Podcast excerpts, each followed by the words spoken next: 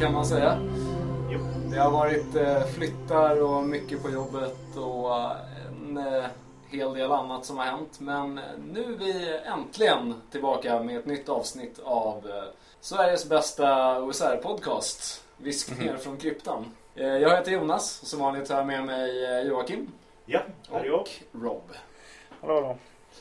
I det här avsnittet så ska vi prata om ett ganska centralt ämne i Dungeons and Dragons, nämligen strider. Hur ser en strid ut i Dungeons and Dragons? Hur gör man strider intressanta? Vad ska man tänka på när man eh, designar en dungeon eller ett encounter eller hur man nu vill se på saken. Eh, Jocke kommer även berätta lite om sin pågående Dwimmermount-kampanj och kanske i synnerhet produkten Dwimmermount. Och eh, Rob har eh, fått tag på lite moduler från Rob. Ja, Rob Kuntz, som jag pratade om förut. Det är i synnerhet Cairn of the Skeleton King Precis. som vi ska prata lite om. Men vi dyker direkt på huvudämnet tycker jag. Det vill säga strid i Dungeons and Dragons. Dungeons and Dragons är ju från början ett eh, wargame på sätt och vis. Där är strid central. Ja. Eh, Med eh, bakgrund i eh, krigsspelet Chainmail. Sen eh, vi spelade in sist har jag faktiskt haft chansen att spela en omgång Chainmail. Det var ganska förvirrande. Det finns ju tre olika stridssystem i Chainmail. Dels en krigsmatris mellan hjältar och monster. Dels eh, mer infanteristrider och sen ett system till som jag plötsligt glömde bort. Man to man. Just det, så var det. Som känns som att det är en sån här Bronstein-grej det. När du hade enskilda soldater som skulle möta varandra. Ja, att de går upp med enskilda personer mot den här borgen. Och då blir det lite, det går, kan du som inte ha en footman mot en footman. Enligt det här som är till för att mötas med skvadroner med varandra. Nej, det hade ju gått sönder direkt. Ja. Så att jag tror det är därifrån det kommer. Det känns mig ett ganska roligt spel. Jag tycker man ska passa på att testa det om man har lite miniatyrer. Mm. Det kräver ganska liten insats jämfört med till exempel Warhammer Fantasy eller liknande spel som är mycket, mycket tyngre och mer komplexa. Och så är det också ganska kul att veta lite om hur folk kanske använder de här reglerna i D&D. Men Det var lite otydligt för mig. Um, särskilt hur hitpoints kommer in i det hela. I uh, Chainmail så är det så att om du anfaller en stor drake och du vinner, då dör draken. Ja, som jag förstår det så en vanlig, en vanlig fotsoldat liksom den dör ju om den blir träff. Om, den, om du får en viss mängd skada. Två sidor möts och man slår hur mycket de skadar varandra. Och då tar man bort så många enheter. Medan om du har en hero med då så måste den ju få ett visst antal skador på en runda för att dö. Annars så kommer den att vara oskadd i nästa runda. Och det var ju då fyra för en hero som level 4 där varje level ska motsvara i original så var ju en level en D6 per level. Så fyra D6 och varje skada gav en D6. Så det var som ett logiskt tänk däremellan. Jag tänker mig att någon gång skulle jag vilja testa att spela OD&D med Chainmail stridsreglerna bara för att se vad som händer. Jag gillar tanken på också att kunna switcha mellan de olika systemen eh, lite vad man tycker känns lämpligt. Om man har en stor konflikt som man vill lösa fort så kanske man kör eh, infanteri-combat. Även om det kanske är synd om rollpersonerna dör på en träff vardera. Ja, ja, ja, precis. Men, men om de har hunnit bli level 4 så är de förvånansvärt tåliga. Och level 8 ännu bättre. Det system som senare introducerades i Dungeons and Dragons är ju den här eh, att träffa matrisen som i princip är eh, olika klasser har olika möjligheter att träffa olika armor classes. Eh, och de här armor classes eh, mappar ju till eh, olika rustningstyper. Liksom vilka, vilken hide ett monster har eller sådär. Och det kom väl från något sjöslags... Spel i original. Ar- Armor Class, det är alltså... Folk brukar ju reta sig på direktöversättningen som är pansarklass. Men tänker man att det är en pansarklass på ett stort krigsfartyg så är det plötsligt inte så konstigt. För det är nämligen vad du kallar det på krigsfartyg. Va? Jag kommer inte ihåg vad det hette exakt men Arneson och Geigers första samarbete var ju ett, ett sjöfartsspel helt enkelt. Med den fantastiska titeln Don't give up the ship! Utropstecken. Ja. För jag har för mig faktiskt att logiken i om man får sväva iväg en aning med det här sjunkande där man startar på vad var det 9 och gick ner till 2 och att man skulle slå 2 D6 under det för att träffa. Så 2 är ju det svåraste som går. 1-1 då. Och att det är därifrån kom. Och framförallt så tittar man på de här uh, stridsmatriserna sen i ODOD, de kom 74 eller vad som det var. Så tycker man ju att de här uh, tabellerna ser lite konstiga ut. Det är lite konstiga hopp. Mm. Ibland så ökar det ett snäpp, ibland plötsligt ökar det tre snäpp på en D20. Och det, logiken är fullständigt utesluten. Det finns ingen logik någonstans överhuvudtaget. Men när man börjar tänka efter att Gary Gygax började med två D6 och sen så fick han plötsligt smak på D20 och så skulle han helt enkelt göra om från D6 till D20.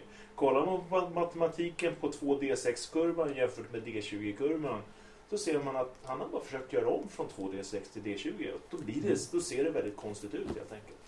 Folk som spelade förr var ju, folk som kom från krigsspel var ju väldigt vana vid just eh, tabeller. Och Ja. ah, man använder ju inte så mycket st mer strömlinjeformade procedurer som ju dök upp sen med eh, eh, to hit AC 0 och Ja. sånt. Nej, nej, det är alltså framförallt så är ju krigsspelarna om möjligt ännu mer nördiga än dagens rollspelare på så sätt att de, de tyckte verkligen, precis som du säger, de tyckte verkligen om att gräva ner sig i stora tabeller. De tyckte om att återskapa historiska slag exakt som de var.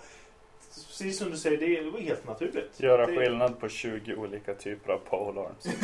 ja. De funkar olika. ja, det är ju så. Så att jag menar, tyck, tycker vi att vi är nördiga så är vi ingenting jämfört med hur nördiga de var för 30-40 år sedan. En av de eh, innovationer som kommer med Dungeons and Dragons som eh, jag tycker är bland de häftigaste är det här konceptet med hitpoints. Det hade ju funnits liknande eh, saker såklart innan men eh, sättet det används på i Dungeons and Dragons är ju väldigt intressant. Eh, att de är så abstrakta är ju någonting som ofta ställer till det för folk som hatar levels och eh, höga hitpoint-siffror. Mm. Ja, inte minst, inte minst bland olika Dungeons and Dragons spelare som också tolkar dem olika. Hur, eh, hur tolkar ni hitpoints? Eh, Jag tenderar till att tolka dem som att, att, ett, att du blir träffad med ett svärd på level 1 och på level 2. Att båda är, att eh, man, de ger ju samma skada men att det helt enkelt är så att det som är 10 för en level 1 är, är nästan dödande. är bara en, eh, någonting som en på en hög level då till viss mån, i viss mån undviker. Framförallt genom skicklighet men också ett visst mån av tur då. Och, och kanske att man är möjligtvis lite segare fysiskt som en tränad människa. Men alla vet ju det att om du blir stucken med ett svärd så spelar det ingen roll om du är väldigt ett prime exempel av en människa liksom. Du kommer ha ont. Så, så gör jag. Men jag räknar allting som träffar. Jag tycker inte om det här med att med healing surges och så att man säger att det bara är inspiration och så vidare. Det får så lustiga konsekvenser i Dungeons and Dragons som du trillar ner i en grop och sedan så bara är det som bara haha! Och så går du vidare liksom. Ja, det här med den inspirerande balladen Ja. var någonting som var väldigt återkommande när vi spelade Dungeons and Dragons 4th edition. Eh, ja, ja. Särskilt när folk lite halvtaskigt och parodiskt skulle rollspela det här. Ja. Tittar du på andra rollspel, vi tar BRP. Slåss du med ett vapen i BRP, då har du först en attack och sen ska motståndaren, motståndaren slå en parering. Och för att skada motståndaren överhuvudtaget så måste ett, min attack lyckas. Två, motståndarens parering måste misslyckas. Annars händer ingenting den här rundan. Nej, och du ska också komma igenom eh, rustningens abstraktionslager. Ja, nej, ab- ab- absorptionslager. absorptions, absorptionen ja. Och det, det, jag menar, det är det som då brukar kallas lite grann för pingpong-effekten. För det är liksom, man står bara och slår, det händer ingenting överhuvudtaget.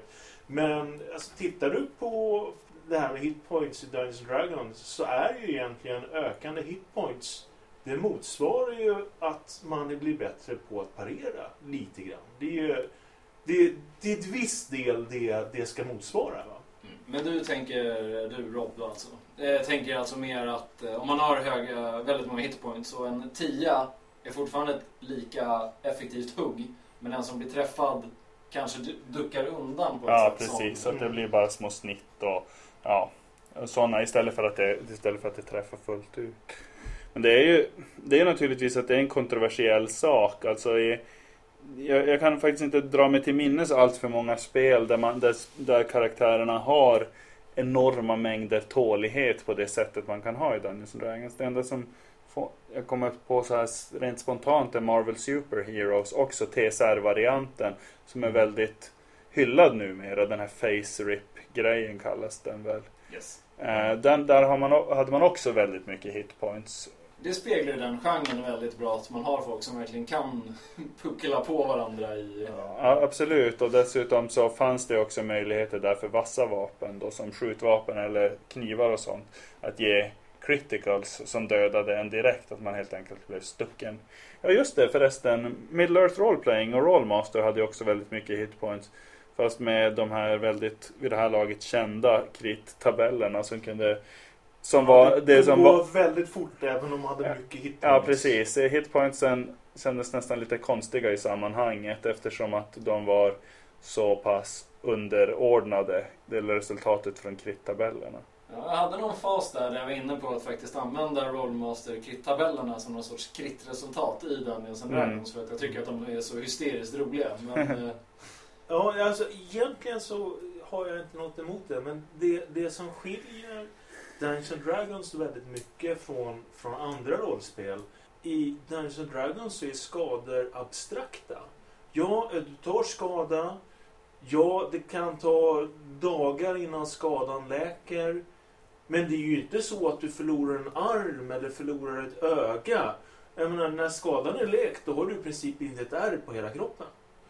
Till skillnad då från andra spel då som försöker emulera det här med att du får skador som är RuneQuest där armar och ben flög till höger och vänster när man spelade. Och det är liksom att vara halt och lytt efter tre äventyr och fick pensionera sig ungefär. Va? Dungeons and Dragons är på en kanske lite mer heroisk nivå än Mm. en RuneQuest som liksom har en ambition av att vara en, en stridssimulator medan Dungeons and Dragons system är mer ett stridssystem i ett fantasy-rollspel. Det är väldigt många fall, om man läser till exempel Konan-böckerna när han hoppar in bland en hög med soldater och hugger vilt omkring sig och hugger ner flera stycken och resten flyr. Ja, I ett spel där du har en attack, en parering och ett hugg kommer att slå ut dig så skulle det aldrig gå. Alltså för att, så du, du kan inte, du, du har ganska svårt att emulera fiktion med RuneQuest på det sättet. Samtidigt så, så finns det ju andra saker. Att I Dungeons and Dragons så har du ju alltid det enorma problemet med avståndsvapen. Som RuneQuest kan göra så oerhört mycket bättre då. Att om någon riktar ett armborst mot dig så står du still i RuneQuest. Annars är du rökt. Men i Dungeons and Dragons är det bästa du kan göra att springa rakt på och hugga ihjäl den här personen. Eftersom att den kommer troligtvis bara ge en tiondel av dina HP i, ska, i skada. Så det, det är ett givande och tagande. Men jag, jag, det är samma sak. En, en Giant i Dungeons and Dragons är farlig. Den kommer att ta en stor del av dina HP. I RuneQuest är det definitivt stendöd om den träffar. Eh, det finns ingen väg ut. Det öppnar ju för, för lite, lite annorlunda äventyr i Dungeons and Dragons. Som Against the Giants till exempel. Som skulle vara i princip ospelbar i, i RuneQuest. Sen, Ja. sen är det ju en annan sak om man då tittar på, på. Där är ju... Där börjar man ju med hitpoints som är, vad är det? Det är eh, size plus constitution delat med två. Och de värdena slås ju med ja, 3D6 eller 6 plus 3D6. Så att slår man ihop dem och delar med två, så de flesta ligger runt 11-12 kanske.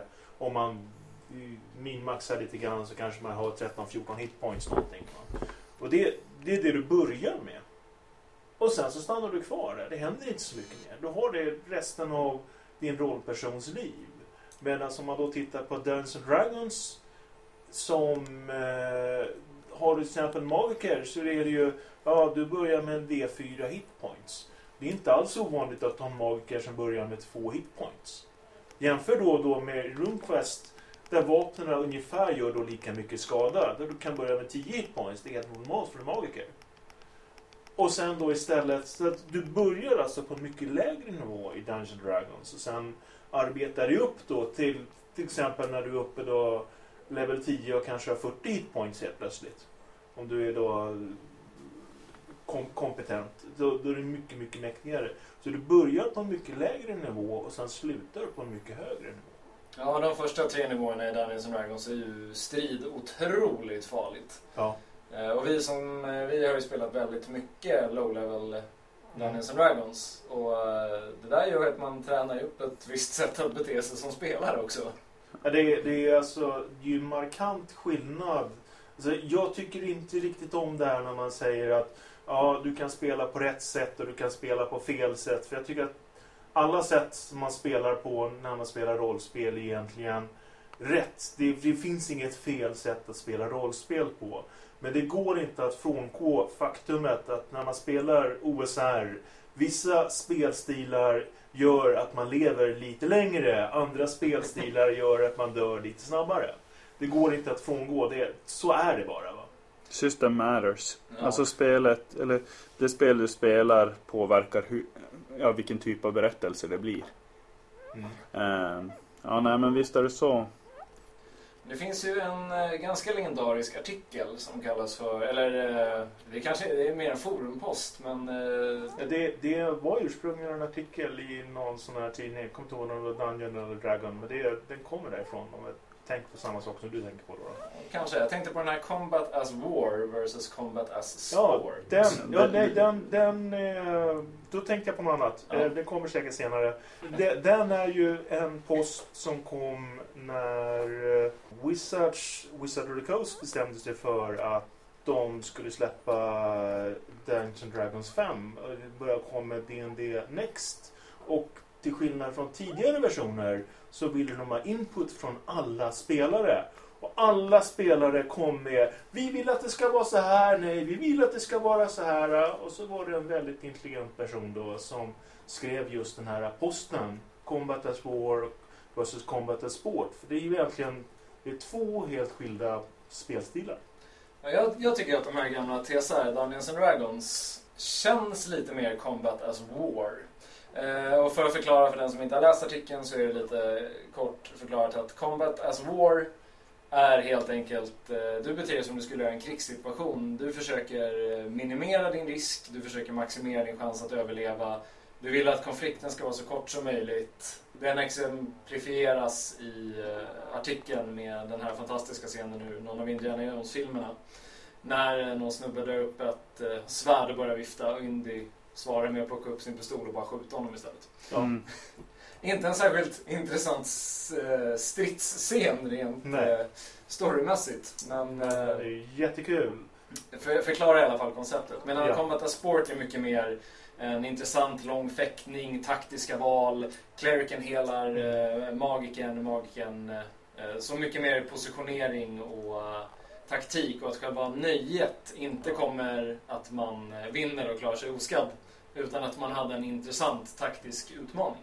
Man är det spelet är till för att balansera så att man inte man ska, man ska kunna uppnå det på ett ganska enkelt sätt. Det vill säga man det är, det är inte lika binärt att du dör omedelbart utan du, du har som en ganska god aning om att du kommer att kunna klara det här. Precis, så att man har 70% success rate Ja. eller vad det nu ska vara som är ens sweet spot. Mm. Ja, nej men eh, det, det, det är absolut så. Det blir ju så i Dungeons and Dragons på låg nivå. Och det är ju intressant också att eh, båda spel, eh, båda de här spelsätten ryms ju i alla Dungeons and Dragons versioner. Mm. Det är inte så enkelt som att säga att 4th edition är strikt Combat at Sport och TSRs eh, Dungeons and Dragons spel är strikt Combat as War.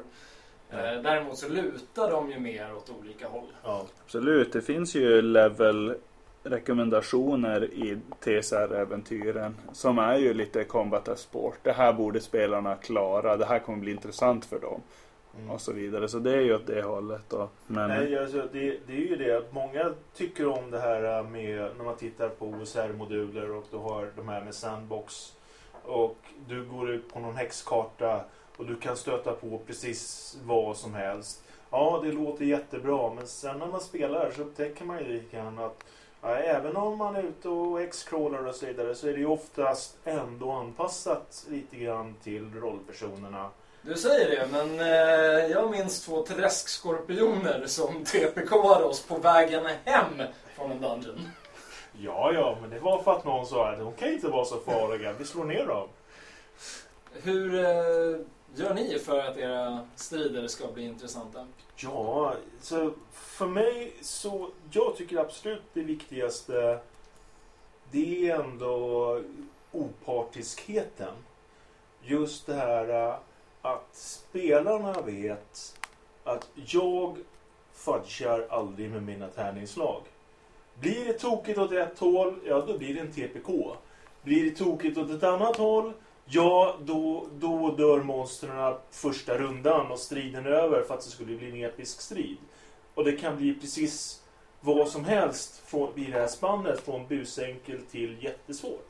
Jag tycker för mig så är det jätteviktigt. Sen vet jag andra är av fullständigt motsatt åsikt. Just det att ja, en strid den ska vara någonting som är, är kul och det ska vara en utmaning för rollpersonerna och, och så vidare. Men för mig så är inte det alls viktigt. Det, det, det viktiga för mig det är den här opartiskheten. För sen, sen talar man om de här striderna, det här äventyret, två eller tre år efteråt. Så alltså, de, de enkla striderna, de kommer man inte ihåg. Det är, de, det är de striderna som råkar bli episka. Som man kommer ihåg.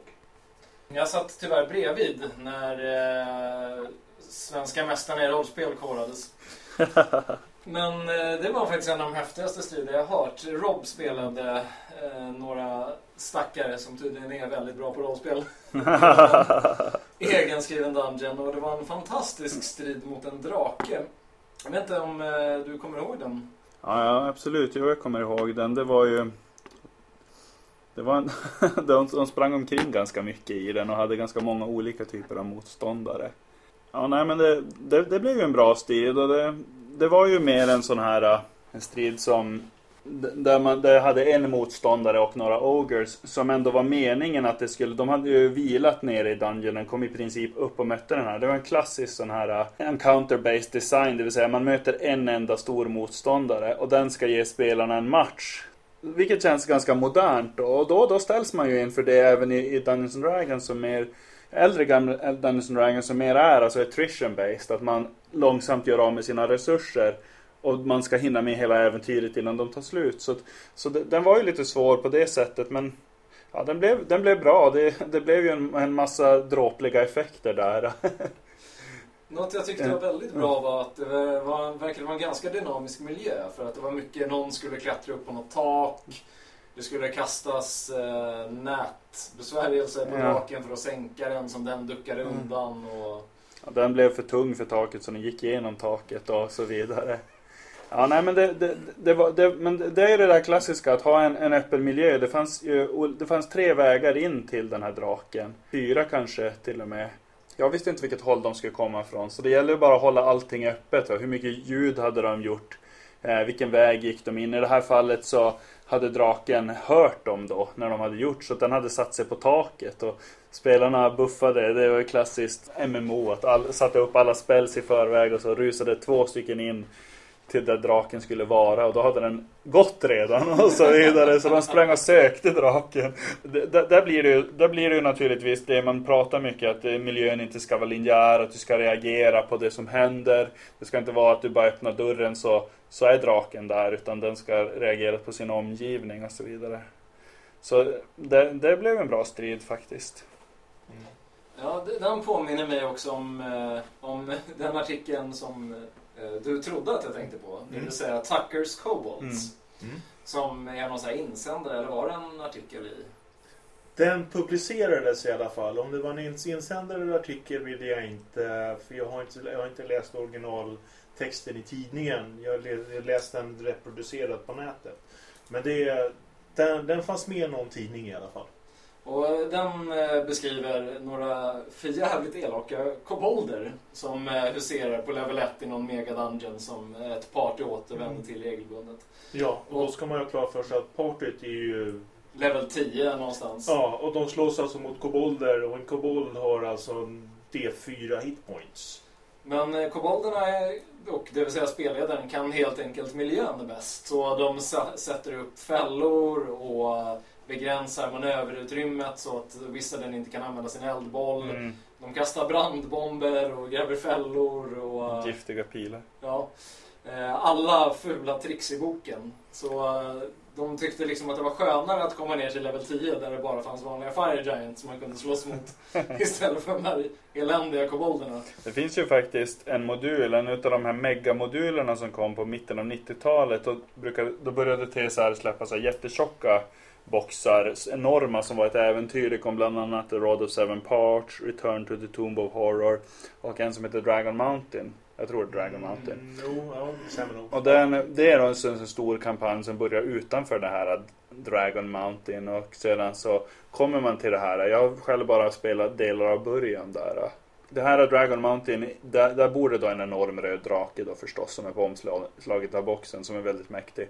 Men den är, det är också hans undersåtar som är kobolder med gift och så vidare. Så det är uppenbart att han som har skrivit modulen ehm, har läst den artikeln och helt enkelt gjort den i ett tryckt äventyr. Jag vet att de spelare som fortsatte kampanjen utan mig på den tiden då de hatar de där kobolderna.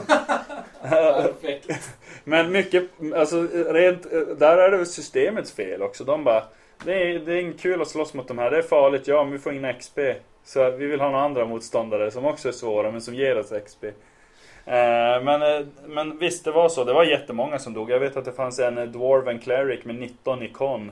Som var plus 5 på Poison Save som dog av så här E-Poison pilar. De som ger 20 om man lyckas med savet. Och dör om man missar. Som blev skjuten så många gånger. Det är typ 20 kobolder som står och skjuter. Det blir 40 pilar per runda. Det träffar ju så 2-3 trots att han har jättebra AC. Det är minst 60 i skad. Så han blev tvungen att bli resurrectad två gånger och var rasande. Den finns ju re- reproducerad i, tryckt material också. Den kanske inte är likadant som Tuckers då. Nej, men eh, konceptet är uppenbarligen detsamma. Ja. Med eh, helt enkelt ett låglevelmonster som använder så mycket tricks, använder sig av miljön och Mm. använder sig av ja, reglerna i någon Mm. mån också för att eh, Mm. ja, kasta om spelet lite. Det här med strid vid olika levels är ju intressant. Vi talade ju tidigare om att vid 1 till 3 så måste man ju nästan eh, planera eh, väldigt noggrant hur man agerar för att allting är så fruktansvärt riskabelt hela tiden. Ja, ja. Alltså, vi, alltså, vi, framförallt vid level 1, men även som du säger vid level 2 och level 3, så räknar man ju nästan iskallt med som spelare. Blir jag träffad så dör jag, för man dör på noll hitpoints så man inte kör någon snällare variant där man kanske dör på ett par minus hitpoints då, då. Men i princip en träff, du är död. Och så är det oftast inte värt att resurrecta folk på den nivån för att det är för dyrt eller komplicerat. Ja, ja. Däremot du och Rob har spelat den ner på lite högre nivåer. Har ni börjat med resurrect spells och sånt? Nej, jag hade en, vad heter den, där de fick en väldigt tidigt en, en scroll of resurrection. Och sen brände de på en, en henchman som de fäste vid sig vid som dog. Och han misslyckades med sitt sånt där konstslag så den failade. Men, eh, ja, nej, nej, men jag har inte haft några resurrections i mina kampanjer. Men huruvida det är olika. Det kommer tillbaka lite till det här klassiska med eh, The 15 minute workday. Som man så, pratar om väldigt mycket på ett väldigt nedlåtande sätt från framförallt kanske 4th edition spelare om äldre. Att du ska egentligen bara du har din sleep spell som kan döda 20 orks. Så varför inte bara gå in, kasta den, döda 20 orks och smita och eh, vad heter det nu, vila och komma in och kasta den igen då. Och så följs det eh, de klassiska argumenten från båda sidorna. Ja men orkerna ska anpassa sig, de ska resa därifrån och så vidare. Den, den växer ju egentligen bara sig kraftigare ju högre spelarna går i level. För deras förmåga att nova, som man kan använda ett, ett modernt begrepp, till exempel med fireballs och sånt, stiger ju bara. Och det gör ju också att du som spelledare du måste egentligen låta spelarna gå fria där. Att de helt enkelt, för de har så otroligt många olika sätt de kan. De kan fireballa den första och samtidigt som de slänger en magic missile på den och förintar den helt och hållet. Så man måste nog låta strid bara ha sin gång. Och sedan hoppas kanske att inte spelarna försöker att vet du, använda sig av den här 15 minute work day. Att de bara går ut hela tiden. För det blir ju en komplex situation om de gör det för hur ska monstren reagera om de vet att varje gång de kommer kastar de en eldboll? Så försöka få dem att gå vidare och helt enkelt bara låta det Dungeons and Dragons är bäst på, det vill säga nöta ner någon via attrition. Du kastar din fireball, men det är din enda. Hur ska det gå sen? Och så vidare. Där, där tror jag att man måste bara måste låta spelarna gå fria, men också hålla reda på var saker och ting är i dungeonen. Det, när jag har en dungeon så ritar jag alltid med färg färgpennor vart alla monster är. En färg per ras då, om de hjälper varandra. Så att, så att uh, miljön lever då liksom. Om spelarna kastar en fireball, då tänker man hur alla reagerar i omgivningen, vart går de och så vidare. Laddar upp med en massa vatten. Ja, precis. Men, och jag, tenderar, jag tenderar till att för det, vi, det jag vid några tillfällen gått in på här, det är det här med encounter-based design. Att ett encounter ska vara väldigt spännande. Där tenderar jag till att fuska emellanåt. Där eh, tenderar jag till att lägga till förstärkning om jag upplever att det går för, att det går för lätt och så vidare. De från det rummet kommer och så vidare. Helt enkelt få anpassa det lite grann. Bara för att, att det är faktiskt riktigt svårt. Och det ligger något i det som Fourth edition-spelarna säger. Att, att verkligen få det att bli rätt, det kan vara krångligt. Oh, nej, nej, men det är alltså... Jag kan ju anpassa lite grann, men jag brukar mer anpassa på ett annat sätt. Det är helt enkelt eftersom den gruppen jag brukar spelleda, det är, det är typ upp till, som det är nu, 13-14 mm. spelare i gruppen. Och de här spelarna är väl inte så här så att alla kommer samtidigt. Så vissa gånger kanske kommer det 3-4 spelare. Andra gånger så kanske alla kommer så det blir 13 stycken. Och det är en jävla skillnad om man har köra, köra samma äventyrare med tre spelare eller med 13 spelare. Det är ganska stor skillnad. Och där så måste jag givetvis anpassa från, alltså när jag ser hur många spelare som dyker upp för att det ska bli intressant så att säga. Men när vi väl har satt igång, vet jag att det är tre jag har anpassat det för tre spelare, då tycker jag inte alls om att ändra. Eller vet jag att det är 13 spelare och har anpassat det för 13 spelare, ja, då har, jag, då har jag gjort min anpassning. Men det gör jag så att säga innan spelet drar igång. Att liksom ändra under spelets gång för att spelarna haft, eller rollpersonerna har haft jättetur eller rollpersonerna har haft jätteotur. Det är jag inte speciellt förtjust i. Utan det är, jag tycker om det där äh, slumpbiten så att säga. Ja, nu ser jag inte lyssnarna här, men Jocke skakar av vrede här alltså. Nej, jag, jag tenderar till att nyttja mig av de resurser som finns i Dungeon. Men vet jag att det finns en barack längre bak. Mm. Då kan jag göra så att jag helt enkelt säger att den baracken, någon har hört något vid det här tillfället. Och kommer, mm. jag sätter, teleporterar inte in monster, men att jag nyttjar de monster som finns i Dungeon. Mm. Ett annat sätt om man skulle vara 13 jämfört med att vara 3 är ju att man absolut skulle kunna tänka sig att en orkstam som ser 13 som kommer kanske, kanske faktiskt skulle börja tala med den. Medan om det kom 3 skulle de börja anfalla. Och skulle de vara 3 så kanske bara några enstaka orker skulle anfalla och tänka sig att det är en, en lätt munsbit. Medan om de är många, då kanske man måste ta ihop hela som ett war party och anfalla.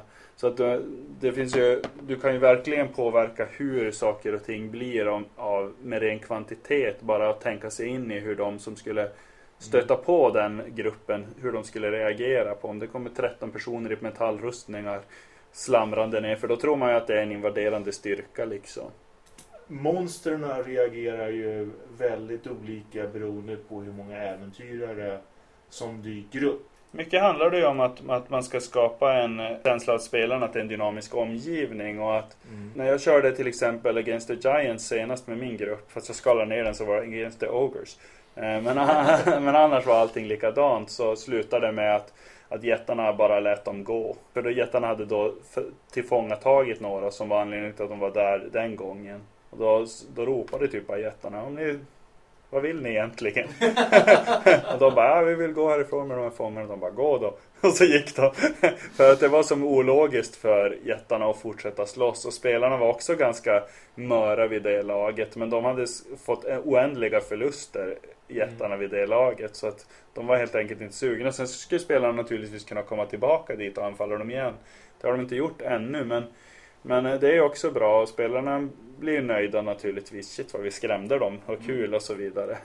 Jag, jag tänker att mycket av det här med 15 minute workday och där är ju eller det blir inte samma problem om eh, en spelmiljö är stora dungeons. Mm. Och det var väl så folk spelade i princip tidigare.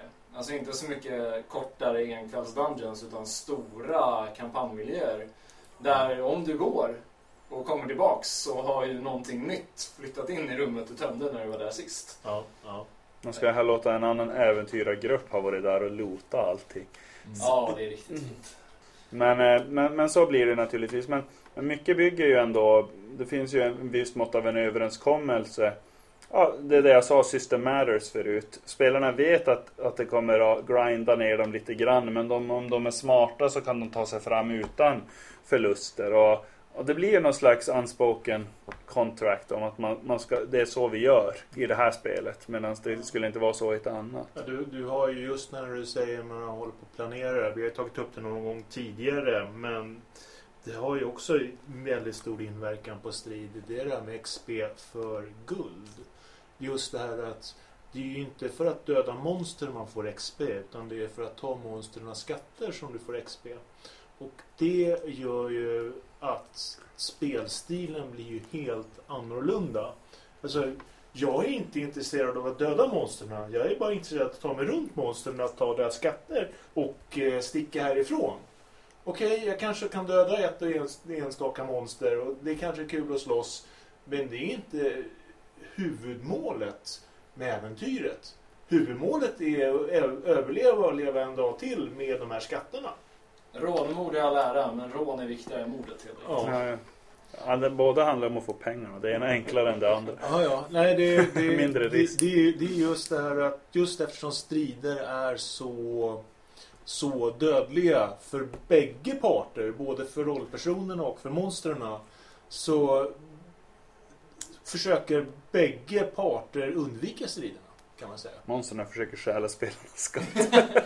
Ja. Ja, det, det skulle man ju faktiskt göra mer. Jag, varje gång jag hör talas om sådana anekdoter från folks kampanjer tycker jag att det är fantastiskt roligt. Men de, det är verkligen något som spelarna tar personligt. Ja, vi, åh, vi blev ju bestu- vi, ja, När vi skulle börja spela Barrow Maze så köpte vi, vi köpte en så himla fin vagn och vi hade fyllt den med allt man behöver, allt från åsnor till ankor. Och så släppte vi med den till ingången och så visade det sig att det var ju inte ens en trappa utan det var ju bara ett hål i marken om man skulle klättra ner via något rep.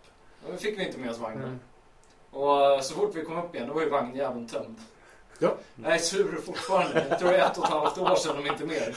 Jag hade också, jag har en person som, eh, jag tog med de här eh, de här statyerna från eh, det här första äventyret i, från Paul Jacquays, vad är det det heter?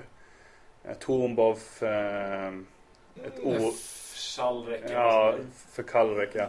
Eh, och där finns det ju en orkstaty som man kan ta. Om man rör i den så blir man bläst av eh, en orkgud då. Så att alla orker börjar se upp till en. Om man, just det, den petar ut ena ögat på en som Grumsh är ju enögd. Så man blir enögd men man anses som helig av orker. Så det var ju gruppens dvärg naturligtvis som fick det, som ogillar orker. Men alla orker de träffar är väldigt positivt inställda till honom. Så han lyckades starta en revolution mot en ond kult som använde de här orkerna. Men det var så bra då, för då jagar de den här... Den här han, han flydde då naturligtvis eh, när hans underhuggare dog. Han sprang iväg och så när de kom tillbaka, alla skatterna då, alla orkerna stod där som bara Nej, vi såg inget! Naturligtvis hade orkerna tagit alla skatter när de sprang iväg. Det var faktiskt, de bara, ja vad ska vi göra? här? vi låter det vara. Men det var, det var min enda fall tror jag, när, när monstren verkligen tog spelarnas skatt. Eh, Hur mycket strid tycker ni att man eh, ska ha med i spelet? Jag tycker personligen inte att det behöver vara sådär äh, väldigt mycket strid faktiskt. Det är... Alltså en stor del tycker jag är själva utforskandet. Det behöver inte... Alltså det räcker med att spelarna känner att det är farligt här. För att den här spänningen ska uppstå. Själva striden, bara känslan att det kan bli strid räcker. Det behöver inte bli strid. Ja, för min egen del så, vi pratade om det lite här innan när jag pratade för några gånger sedan om den här uh, Original Bottle City så sa jag att för att vara en så, att han pratar så mycket om den här Robert Kuhns om open design och att dagens rollspelare är så ignoranta och så vidare. och att eh, det skulle vara någonting riktigt spektakulärt så tyckte jag att det var en enorm meat grinder. Det var bara fight efter fight efter fight då med vissa fällor och fantastiska miljöer och sånt. Och jag sa, ja, är det här verkligen allt då?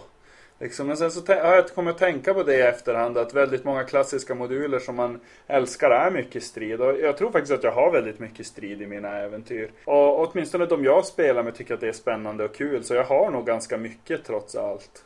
Så antingen är de lätta och spelarna får känna sig lite badass eller så är de svåra och så de biter på naglarna liksom. Allting fungerar om det är i, i normala mängder. Ja, nej, men det är alltså, jag, jag, jag håller väl till viss mm. del med. Men jag skulle vilja omformulera lite grann. Jag tycker om att ha många encounters, det vill säga möten med andra människor, varelser, monster. Sen är det upp till spelarna om det blir strid eller inte. Det betyder inte att det behöver vara massor med strid. Encounters kan leda till massor med andra saker. Det behöver inte bli strid av det hela. Det slutar med att uh, orcherna börjar uh, ära en och sen ja, ja, ja, Nej, ja, men, det, det, men det, det, är ju upp till, det är upp till spelarna. Vissa spelare säger så här, ja jag ser någon där borta, jag anfaller, vill du veta vem det är? Nej, jag anfaller först och frågar sen. Vissa spelare har ju den inställningen.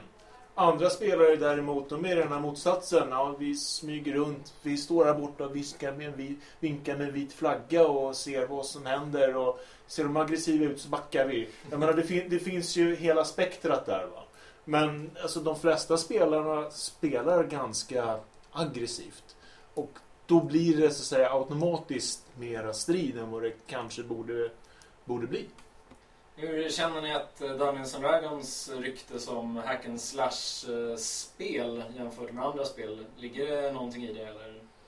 Jag tror att det ligger någonting i det att om man tittade på de här gamla annonserna i Sinkadus liksom att där spelare var noga med att säga att de spelade seriösa rollspel, inga hack and slash, och sökte seriösa spelare. Att det kommer sig kanske från att, som vi sa tidigare, att Dungeons and Dragons framförallt dess högre HP-mängd gör att man kan göra mer fantastiska saker som att faktiskt kanske plöja ner en hel orkstam på 100 pers liksom. Eh, Medan det aldrig skulle gå i, ett, i de spel som var populära i Sverige, BRP-spelen. Och det tror jag nog gav ryktet om att i Dungeons and Dragons där kunde man döda hur mycket som helst. Eh, och, och, det, och har man en viss spelstil så stämmer det. Men, men jag, jag skulle misstänka att man i ett BRP-spel faktiskt inte spenderar mindre tid i strid bara mot färre motståndare. Och att man inte har den här attrition based som finns i Dungeons and Dragons. Att, att det är meningen att de ska nöta ner dig över tiden. Utan i, i BRP så är det mer, då är det encounter based. Varje gång är mest kniven mot strupen liksom. Uh, en annan eller ja, eh, Dungeons Dragons började ju som ett eh, wargame och en central del i den typen av spel är ju figurer. Mm. Eh, är det någonting som ni använder i era kampanjer eller har använt? Mm, nej. Det, det närmsta jag kommer till spelplaner som jag brukar använda det är när man ritar kartor på rutpapper. Och så spelarna får själva sen rita på kartan. Här står jag och sen så sätter jag ut monstren. Här står jag och sen visar man pilar. Jag flyttar hit och så vidare. Men det är nog det närmaste. Jag har en sån här Chessex-matta. Jag har en låda med miniatyrer. Men det är sällan den kommer upp på bordet. För det räcker normalt med, med det här rutade pappret. För mig i alla fall när jag spelar. Eh, jag spelade ju på, eller jag, jag ritar ju kartor till mina spelare, spelare. De tycker inte det är något kul att göra det. Så att den biten av traditionellt spel är borta. Men det innebär att jag är på ett vanligt kollegieblock med vanliga, jag vet inte hur stora, men klassiska sådana här rutmönstrat kollegieblock. Mm. Där varje ruta är 5 fot då, 10 fot menar jag. Mm. Så att jag ritar ju i dem och sedan så när det blir strid så, skriv, så sätter jag med kryss helt enkelt. Ni står här eller du mm. springer mm. dit. Och att jag helt enkelt skri, ritar och skriver på kartan. Men jag har aldrig några figurer. Jag tycker att figurerna förstör faktiskt. Eh, det blir att man helt enkelt börja titta på det med en bird's eye view. Att hur långt kan jag gå? Hur långt går min besvärjelse? Och så vidare. Det är bättre att spelarna får tänka sig det där. Jag tror att jag har en ganska, att jag ändå kan få en ganska bra rumsuppfattning för spelarna genom beskrivning. Och eftersom att miljön är så begränsad, en 10 fots korridor som öppnar sig i en typ mm. i en 15 fots rum. Det är inte så mycket det går att fundera på exakt var man skulle stå. Ja, ja nej, nej, jag, jag håller med. Så där tror jag vi är väldigt lika. Men framförallt det här äh, Även om, jag, även om man har ett rutpapper och ritat en karta på det och man sätter i kryss så är det mer så det är inte så att de står exakt där krysset är utan de står ungefär där krysset är. Det har även betydelse sen jämfört med äh, till exempel i Dungeons Dragons 4 där förflyttning är livsviktigt. Och det, man måste sitta och räkna så här. Går jag ja, framåt och sen vänster och sen höger och sen framåt och så vidare. Räknar, jag har exakt sex rutor som jag kan flytta på. Och exakt så här måste jag gå. Blir det någon attack opportunity och så vidare. Sådana saker tycker jag är fullständigt ointressanta. Utan det, ja, man tar en, sån här eyeballing. Jag kollar. Ja, det borde räcka. Och det ni, ni, borde se. Det är ungefär lagom avstånd för att se dem. Men det är ungefär lagom avstånd för den här uh, spällen. Så den funkar. Man är inte sådär uh, jätteexakt. Och jag tror, jag tror att det, det ger mer flyt åt spelet när man är lite luddig. Det är inte så att jag är snällare bara för att man är lite luddig. Men du får mera flyt. Ja, och jag men, tycker att det är jätteviktigt. Men eh, det kommer ju sig lite grann kanske av att jag menar, jag tycker att det är jätteroligt med figurer. Jag gillar Descent och egentligen gillar jag bara brädspel när man spelar enskilda figurer, ganska stora som slåss mot andra. Eh, och jag gillar inte alls att tradingspel eller Agricola eller någonting. Bara Ameritrash. Men jag, men eh, jag gillar inte det i, i, i rollspel. För det är någonting helt annat för mig. Mm. Alltså min, när, när någon spelar med rollspel så frågar de hur många orks är det? Ja du vet inte för du kan inte se någonting. Ni har en lampa, en lykta som svingar när ni slåss och ni ja. ser ett första led. Hur många är det bakom? Jag vet inte. Ja, men om du börjar... det är många. Ja det är många. Men om du börjar sätta upp så börjar du veta exakt hur många det är. Och mm. Mm. Det försvinner lite mer. Det är bättre, det är bättre att man försöker beskriva det som de skulle se det istället för att beskriva det på ett sätt som de absolut inte skulle se det genom att se uppifrån på en, en jättestor miljö. Mm. Jag älskar ju figurer och figurspel och sånt där. Och att erkänna för mig själv att det inte så ofta det faktiskt var till mer glädje än trubbel. Det mm. tog mig ganska lång tid. Mm. Det var så här, nej men jag vill så gärna ställa upp de här fina små gubbarna. Ja, ja. väldigt länge. Jo, men det, det är ju det att när man ser de som lägger ner Ja, ska vi namedroppa? Vi kan ta till exempel Vitulv på forumet som är känd för sina settings där han bygger upp med bygger upp en hel miniatyrgrotta och man ser uppifrån och det ser helt underbart ut. Jag har inte tålamod att göra så alltså. Så jag, alltså det är all cred till personer som Vitulv som lägger ner den tiden. Men jag som spelledare skulle aldrig klara av att lägga ner den tiden och, och, att göra det. Det ser skithäftigt ut. Och det är säkert skithäftigt att spela med det. Men jag, det, det är inte för mig. För min del så spelar jag gärna det, men då spelar jag det med Descent. Att du, du spelar Descent som är jättesnyggt liksom. Men uh, inte, inte Dungeons Dragons i alla fall ett Dungeon Crawl-spel är väl det som ändå är enklast att göra med figurer på något sätt. Ett, ja, ja. Tänk dig ett rymdspel eller något sånt där där du har en uh, X-Wing mot en Starfighter. Vad ska man då spela? X-Wing-spelet då? då. Ja, börja för att ta fram... Ju, alltså, du kommer ju oftast väldigt nära rollspel även med Descent och sånt till...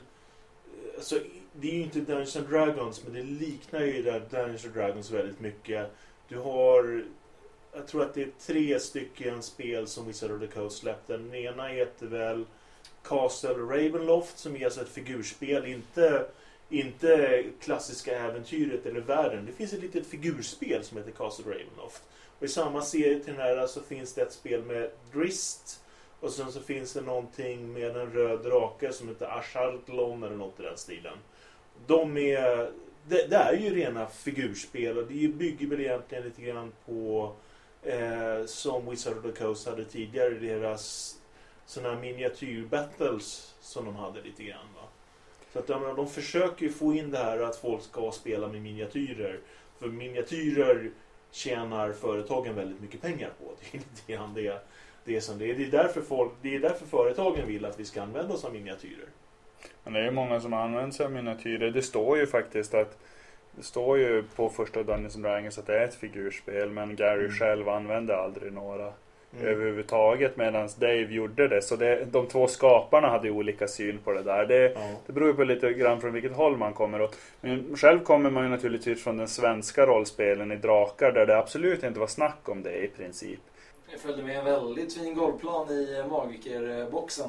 Ja, jag kommer ju ja, att- det fanns ju en jag golvplan i den svarta Dungeons and Dragons. Till och med med några silhuettfigurer som man kunde klippa ut och klistra ut. Ja, då, det är, jag men- men- jag har kvar några av de där. Så att det är, Men, men, men spelexemplen som, som var i böckerna nämnde ju aldrig, Nej. aldrig Nej. några figurer. Så, så det är väl, man är väl från det, det håll man kom ifrån också. Men, Mm. men jag, jag, jag, för jag började spela Pathfinder, det var första gången jag använde figurer. För jag insåg att okej, då du måste ha figurer till det här. Annars blir det här bara konstigt. Mm. Och- ja, det är ju som det är D4. Det är Ja. ju skitsvårt att spela utan Och, och jag, jag, jag, då var jag ingen nöjd med hur det blev. Att folk höll på att pröva. Som om jag tar ett fem foot step dit och du tar ett fem foot step dit. Då går vi hit och då stänger vi av det och då räddar vi den som går där.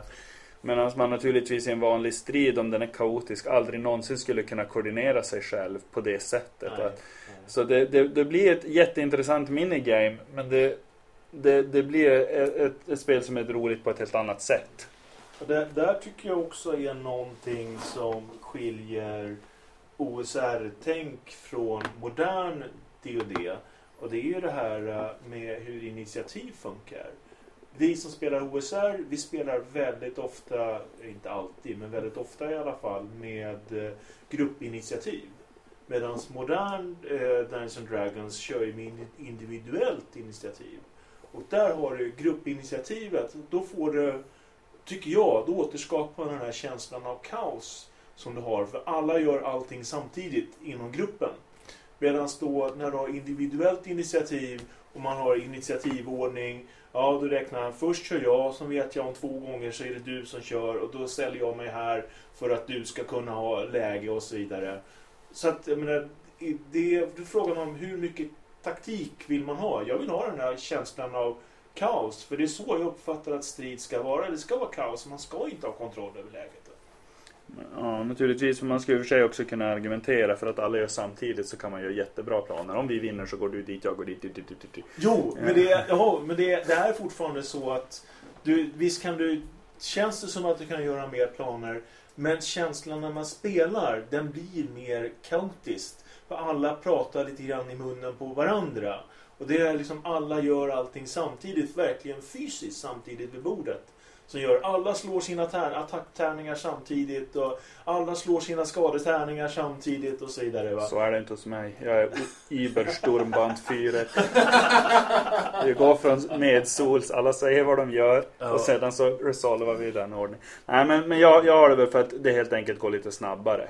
Mm. Vi gör, ni säger vad ni vill göra, vi slår, okej det händer, du, du, du. annars kommer striden att ta väldigt mycket mer tid. Ja, det, det är ju smaksak. Jag tycker det tar un- ungefär lika lång tid. Men man får en annan känsla just när alla är... Alla skriker samtidigt. Det blir, det blir en annan känsla vid bordet, tycker jag i alla fall. Ja, det upplevt som snabbast är ju gruppinitiativ och sen bara beta av en i Mm. taget. Och jag kör till och med resolution samtidigt. Mm. ehm, för att annars måste jag komma ihåg saker och det gillar jag inte. Eh, Nej men, eh, men visst, jag tycker det fungerar bra faktiskt. Och det, det, det blir faktiskt också en väldig spänning kring initiativet. Alltså, Åh gud ja. För att det, det skulle det inte alls vara om man hade individuella. Då skulle folk bry sig mer om sina egna. Men det finns heller ingen, ingen mening så mycket med egna initiativ om du inte kommer att röra dig så mycket i striden. Att du står i en front. Så här, då, men däremot om folk skulle börja springa iväg åt alla håll så då det, kan det vara mer intressant. Så, så, så nu är det som bara nej, du, vi förlorade. Nu får de hugga två gånger. Och så vidare. Så det, det ger ju ett visst mått av spänning. Jag, jag tycker ofta att det är ett väldigt gnäll från de här i, som spelat senare generationer av rollspel på att det är svårt att designa encounters till gamla spel.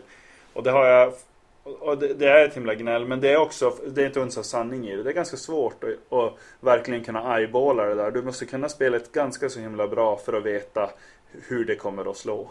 Men, men det, det är kanske värt det för att du får helt enkelt skaffa dig erfarenhet. Och det finns ju jättebra moduler att spela som kommer att hjälpa en tills man vet själv Mm. vad som... Ja, det, men det, är ju- det är ju det är ju samma sak där. Jag har ju inga som helst problem att sno ihop ett encounter eller två. Jag tror inte någon av er har Mm. det heller. Men vi har ju fruktansvärt mycket erfarenhet i ryggen. Vi måste, man måste försöka sätta sig in i hur, hur ska en nybörjare klara av det här? Och ja, jag håller med. Det är fasen så mycket lättare för en nybörjare att börja med typ DoD 4 eller DoD 5 Just för att det finns så mycket stöd för att göra balanserade encounters där. Då, som inte finns i, i gamla, gamla DoD och OSR-spel. Däremot finns det ingen B-serie till DD4. Alltså B1, B2, B3, B4. Nej. Alltså om du spelar igenom dem så då, då, är, då är du ganska... Om du, om du spelar igenom och tar det till dig så tror jag att du har en väldigt bra bild över hur du ska spela Dungeons and Dragons. En sak jag kom på var hur ni beskriver skador och eh, hur mycket beskrivande språk ni att ha i era strider. Jag hade en tendens ganska länge att beskriva ganska blommiga actions och väldigt köttiga skador Mm. och eh, även ta över eh, an, eh, spelarnas liksom, eh, actions och så här. När de sa med hugg i myxan så beskrev jag en lite längre sekvens av vad som hände. Men jag upptäckte att det var faktiskt inte så populärt. Folk bara säger jag vill bara kunna säga jag vill slå honom med yxan. Och det har faktiskt blivit mitt nya ideal också. With my axe. Ja, Nej, jag är, jag är väldigt eh, purple prosy. Jag beskriver spelarnas handlingar i princip, eftersom att det är en minuts rundor i The Dungeons and Dragons jag spelar, och eh, monstren och det är bara när, man, när det blir riktigt spännande så tenderar jag till att beskriva mycket mindre. Han slår, miss, och alla bara pff. Och sen, ja, slår tillbaka då. Ja, Då tappar man det. Men när, man har, när det är lite mindre press, då är det väldigt mycket. Ja, men orken han, han håller sig undan för att du viftar och så vidare. Och, ja, jag, jag tenderar till att använda mycket beskrivning. Inom OSR så finns det ju antingen så är det som Rob säger att man kör med en minuters runder eller så kör man med de här eh, rundorna som är någonstans mellan 6 och 10 sekunder långa. Och givetvis så blir det lite skillnad i beskrivning om ett hugg tar 6 sekunder eller om det tar 60 sekunder. Va? Givetvis blir det ganska stor skillnad då beskrivningsmässigt vad man hinner med. Men det är även där så måste man ju se att det, det är ett abstrakt system. Eh, men eh, jag, eh, jag vill gärna ha väldigt lite beskrivning av, av den anledningen att skadorna i sig, som vi sa, de är ju ganska abstrakta. Jag menar, ja du blir träffad, du är nästan döende. Men du förlorar ju ingen arm, du, får, alltså för, och du förlorar inga ögon, inga tänder utslagna, ingen avhuggen näsa eller något i den stilen. För efter, efter en vecka så är du helt frisk, precis som du var innan striden. Oavsett hur nära döden du har varit. Men för mig är det mycket mer som Ågren hugger mot dig med sin klubba. Du blockerar, du blir alldeles, eh, alldeles din arm domnar bort, du förlorar 10 HP eller något sånt. Alltså, för det är ju sånt som man sen bara kan rationalisera sin karaktär gnuggar som armen och att man fu- kan fungera på full. Jag ska aldrig beskriva att du blir spetsad på ett svärd. Kan bli lite jobbigt nästa. Däremot så eh, Medan jag med spelarna ofta är att du, de, ja, han träffar din axel och eh, går igenom, drar lite blod, du har ett hål i ditt axelskydd. Eh, Medan monstren är nästan alltid alla träffar skada liksom bara. Du träffar för åtta, ja du hugger honom djupt i armen liksom. Där håller jag inte på att dutta någonting. Eh, Alltså för att det ska... Dä- Däremot så, där är ju en sak som jag faktiskt har snott från eh, de senare versionerna av Dungeons and Dragons. Det här är med vad de kallar för Blooded. Det vill säga vad som händer när monstret kommer ner till förlorat hälften av sina hitpoints eller när de förlorar 75% av sina hitpoints och så vidare. Och jag brukar dela upp det i tre steg. Antingen har den förlorat hälften, den har bara en fjärdedel kvar eller så när den bara har två, tre hitpoints kvar. Och jag beskriver hur monstren ser ut, reagerar alltså på de tre alltså skadenivåerna som är väldigt olika innan hon har förlorat hälften av sina hitpoints, ja den ser oskadad ut. För den är i princip oskadad så länge den har mer än hälften av sina hitpoints. Ja, nu börjar den se, se skadad ut. Ja, nu börjar den se, tills den kommer ner till två, tre hitpoints kvar, ja, nu börjar den se döende ut. Och det har ju att göra med att jag om möjligt försöker dölja hur mycket hitpoints ett monster har. Det, det, för det första så ska monstren ha olika mycket hitpoints. Och för det andra så stöter spelarna på ett monster som de inte riktigt vet vad det är. Det kan vara ganska svårt nu med när spelarna är i princip lika bra som vi är på, på OSR och har alla monsterböcker och så vidare. Försöka skapa ett nytt monster. Men det är just det här att spelarna ska inte ha sån här full koll på vad har monstret för armor class, hur mycket hitpoints, hur mycket hit dice, vad, vad har de för vapen och vad gör, vad gör de med skada och så vidare. Det är ju lite grann som att utforska en grotta. Det är samma sak med monstren. Det är utforska ett nytt monster när man slåss mot det. Ja, jag vill minnas en 12 hittais isbjörn Ja. som slog ihjäl din magiker för någon månad eller två sedan. ja. Den På, farligaste jävla isbjörnen i det här spelets det, historia. det, var, det var liksom, ja första rundan. Jag tyckte att ja, jag, jag går sist för det är säkrast längst bak så jag blev jag ambushad i ryggen. Då blev jag träffad först. Och magiker har ju inte så mycket hitpoints. Så det, ja, den träffar och den har, ja, den har tre attacker. Alla attackerna träffar. Första attacken gör, börjar han rulla tärningar. Inte en tärning utan flera tärningar. Så nästa, tär, nästa attack, flera tärningar igen. Ja, du tar... Eh, du tar... Eh, ja, du har tagit 30 hitpoints. Ja, då ligger jag väl på minus 20 då. då. Det var ju liksom inte ens snack om det finns en liten chans att man överlever. Jag var bara mos efter den, efter första rundan. Jag tror att, att jag faktiskt tog upp Isbjörnen när vi diskuterade de olika monsterböckerna, hur de förändrades över tiden. Där det var väldigt tydligt att olika författare har olika syn på saker och ting. För en isbjörn i Dungeons and Dragons är farligare än ganska många olika typer av drakar. Ja, Det, det, det är uppenbart att de som inte riktigt är i, i synk, de som har gjort monstren Nej, genom åren. Men, men som sagt var, den här isbjörnen var farligare än alla andra isbjörnar i, någonsin i Dungeons and Dragons. Den var tre gånger värre än någon tidigare isbjörn.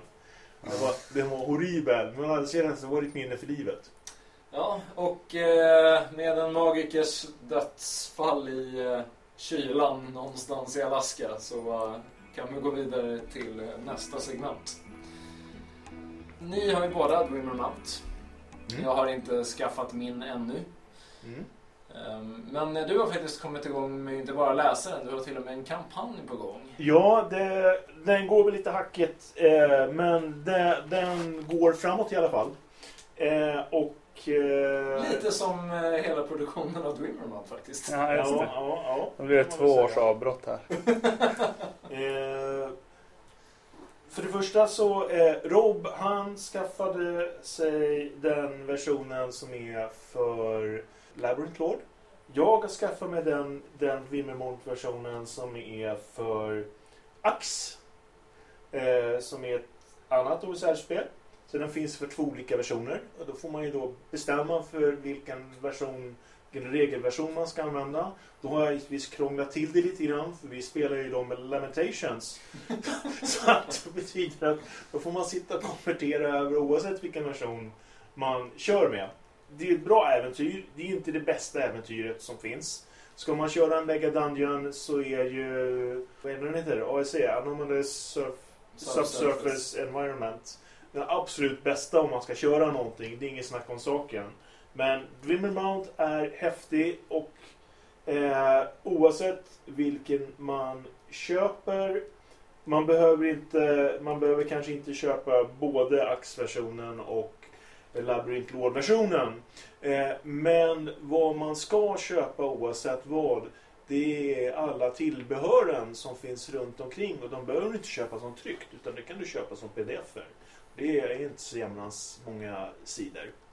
Eh, vad, vad man kan säga jag får viss förståelse för varför James Malisevski gick in i väggen när han försökte göra det här till ett äventyr. Det här är hans vill säga, Home-kampanj. Som han skrev om på sin blogg. Och folk tyckte Wow vad häftigt det låter. Det här vill vi spela. Varpå James drar igång en Kickstarter. Och den drar ju in ruskigt mycket pengar. Jag kommer inte ihåg summan men det är det var väl typ någon miljon kronor motsvarande. Nästan två miljoner kronor tror jag. Det var så här löjligt mycket pengar. Och eh, någonstans där så börjar han få lite prestationsångest. Wow vad många som får någon sån här eh, writers block eller något i den stilen. Framförallt så kommer han på det som är jättesvårt för alla home campaigns när du ska göra det till en äventyr som i tryckt bok och sälja till andra.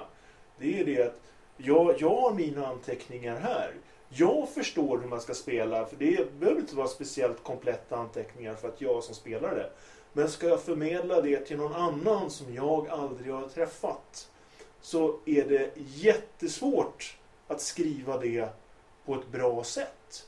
Och framförallt i en sån oerhört komplex komplext äventyr som Grimmer Mount är, för det är fruktansvärt komplext faktiskt, så är det om möjligt ännu svårare.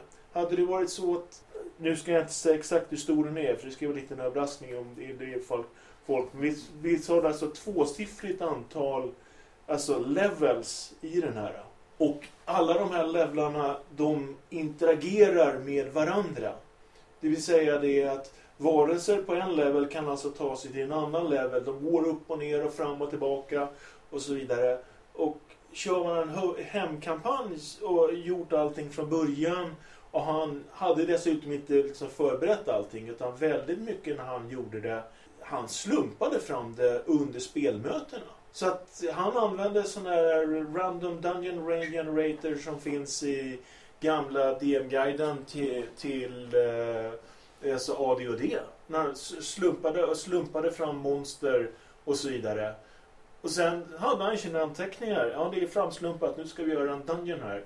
Men då blir det, har, har du, gör du en dungeon så blir den ju statisk. Jag menar, så här står det, i det här rummet finns det monster, i det, det finns det monstret. Och hans äventyr, det var ju inte alls statiskt. Det var ju fruktansvärt dynamiskt. Det kom saker, det fanns fraktioner och han misslyckades. Han klarade alltså inte av, så som jag har förstått, att få återskapa den här dynamiska känslan. Och då gick han in i väggen.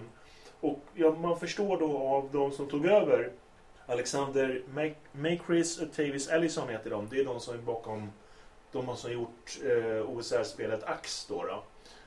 Det var deras största bekymmer. Alltså hur, hur, ska vi få hur ska vi få den här dynamiken i det hela? Och det, det är precis som det finns över tvåsiffrigt antal eh, nivåer i den här så finns det tvåsiffrigt antal olika fraktioner Alltså olika grupper som antingen är jättefiender med varandra eller är jättevänner med varandra eller kanske fiender eller vänner beroende på vad som händer.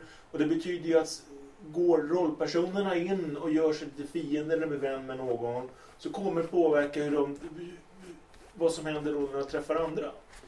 Och samma sak, går rollpersonerna ut och hittar på någonting annat så ska det givetvis vara det här att Ja, när de kommer tillbaka då har ju andra varit där och plundrat rum. Monstren har flyttat på sig, saker har ändrats, nya saker finns, andra saker har försvunnit.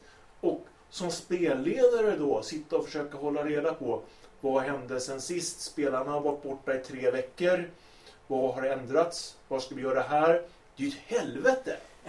Bokstavligt talat. Så jag menar, och det, vill ju, det är det de vill försöka få fram på ett så enkelt sätt som möjligt. Jag kan inte säga att de har lyckats perfekt. Men de har faktiskt vissa hjälpmedel som gör att det, det underlättar i alla fall. Va? Men de vill verkligen få fram den här känslan av en dynamisk dungeon. Det kräver alltså väldigt mycket av, av spelledaren att hålla reda på vad är det som händer mellan alltså, sektionerna ner i, i grottsystemet så att säga. Så Dwimmerman har ändå en del eh, verktyg som hjälper en att hålla reda Ja. på sådana här saker. Ja, en del. Jag kan inte säga att det är, det är världsbäst, för det är, inte, det är inte lätt att göra. Men det finns, det finns förslag på hur man ska göra. Så här kan man göra, det här kan hända. Och lite tips om vad som kan, man kan utveckla i den här riktningen, men man kan göra så här och sånt. Det, det är inte världsbäst, men det finns i alla fall vissa tips hur man ska göra. Vilken typ av genre eller setting är det i Dreamer Mount? Jag skulle säga att den är väldigt, väldigt klassisk Dungeon. Den är inte alls sådär Gonzo som i AEC som jag, jag hade hoppats att Dreamer Mount skulle vara Gonzo, men det är den inte. Den är weird, det är inget snack om saken. Det dyker upp saker som är What? Det är ganska normal nivå på weirdness tycker jag. Det den är acceptabel för de flesta spelarna och så vidare. Jag vet att många, när vi, när vi har rekommenderat OSR-äventyr så är det många spelare och spelledare som sagt ja vi vill ha någonting som är mer klassiskt äventyrskrälande. Inte det här eh, totalt vansinnes äventyren som kanske till exempel finns då i Lamentations-äventyren emellanåt. Det här är, det här är klassisk Dungeon, Dungeon crawling kan man säga. Och det är som sagt var det är en gigantisk Dungeon crawling som tar, antagligen tar rollpersonerna, inte vet jag, uppåt från level 1 till level 10 eller något i den stilen. Och de, har, de som har sett XP-tabeller från level 1 till level 10 i OSR vet att det tar ett tag att ta sig dit. Då inser man ungefär storleken på det hela. Va? Det var ju så att eh, Dwimmer Mount och att James Malichevsky ens började med den här kampanjen. Det var ju för att testa vad händer om man spelar eh, Dungeons and Dragons by the book. Eh, om man kör med alla de där encounter-tabellerna, Mm. skattetabellerna och allting. Vad, vad, vad ska egentligen hända? Den börjar ju som ODD utan supplement. Till att slutligen landa i Labyrinth Lord med, med den här Dun- Advanced supplementet. Så det är inte så konstigt att den är mer traditionell. Men så vitt jag förstår så är den väl mer åt botten så börjar det dyka upp Gonzo-element. Det finns konstiga saker, men det tar ett tag innan man tar sig dit. Just eftersom den är så stor. Va? Sen så finns det vissa saker som jag verkligen tycker om som de har lyckats med. Eh, alla som har sett en Dungeon känner igen en dörr. För det är en liten fyrkant så här. Det är inte dörrarna i den här utan de har någon lite mera romformad figur för dörrar. Det betyder att man ser hur dörren öppnas. Vilken riktning är Ja, och det är någonting som, alltså när man väl har det? sett De det. vanligaste frågorna. Ja, det är alltså, har man väl sett den så inser man, det här är genialiskt. Varför har ingen gjort det här tidigare för? Eh, sen något annat som är både eh, bra och dåligt.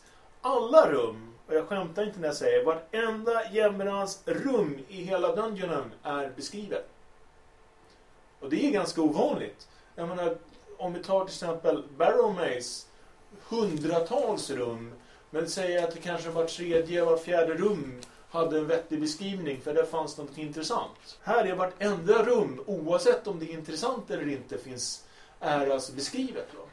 Det är, ibland, ibland så är det jättebra. Det, är, för det ger en lite, alltså, det är lite mer kött på benen för att beskriva saker. Men ibland så är det bara jobbigt. Ja, ni kommer in i ett rum och så har man sån här text på halv sida och sen stannar man upp för jag som spelledare ska läsa igenom lite snabbt vad som är. Ja, ni kommer in i det här rummet och eh, och så tyst en halv minut. Och det finns egentligen ingenting i rummet. Ska vi gå vidare? Så att ibland så är det bra, ibland så är det dåligt. Så att det är... Han hade mycket väl kunnat alltså, korta ner beskrivningarna till rummet som, som ja, det finns ingenting i det här rummet. För det, är- det är ungefär vad som står i texten när man har läst igenom dem. Lite som äventyrs eller rumsbeskrivningarna i Into the Odd. Spelet. Som bara är nästan enskilda ord och nästan inga meningar alls. Extremt. Det här, det här är tvärtom, att det är fruktansvärt mycket text. Kallas för The Vampire Queen. Ja, just det. Den är Ja. Three kanske- bats. Ja, Ja. three bats. Three, det, det, här, det, här, har- det här har jag, tror jag också har att göra med på sättet som man faktiskt skapar den här. Eftersom man skapar det genom slump. Alltså att, ja, här går ni, rulla tärning. Ja, gången är så här lång. Ja, rulla tärning igen. Ja, det slutar med tre dörrar gången slutar. Ja, Abi öppnar vänstra dörren. Ja, eh, så har slagit då tärning, bestämt hur dörrarna ska öppnas. Och sen eftersom de, de har gått igenom hela äventyret, hans första spelgrupp, så har han då anteckningar på vad som finns i alla rum. Så det bygger ju alltså på hans anteckningar under själva spelmötena. Det är ju det vad alltså äventyret Wimmermount är. Jag tror att han, de kom till level 7 ungefär Mm. i originalet. Dardagdonar och vad var det? Dvärg, eller Dardagdonar och den där clericen var ju de enda som var Ja. med alltid. Det som man bara lite snabbt kan återknyta till tidigare det är att James använder sig av eh, sådana här eh, Dwarven Forge Tiles och Mm. figurer väldigt mycket.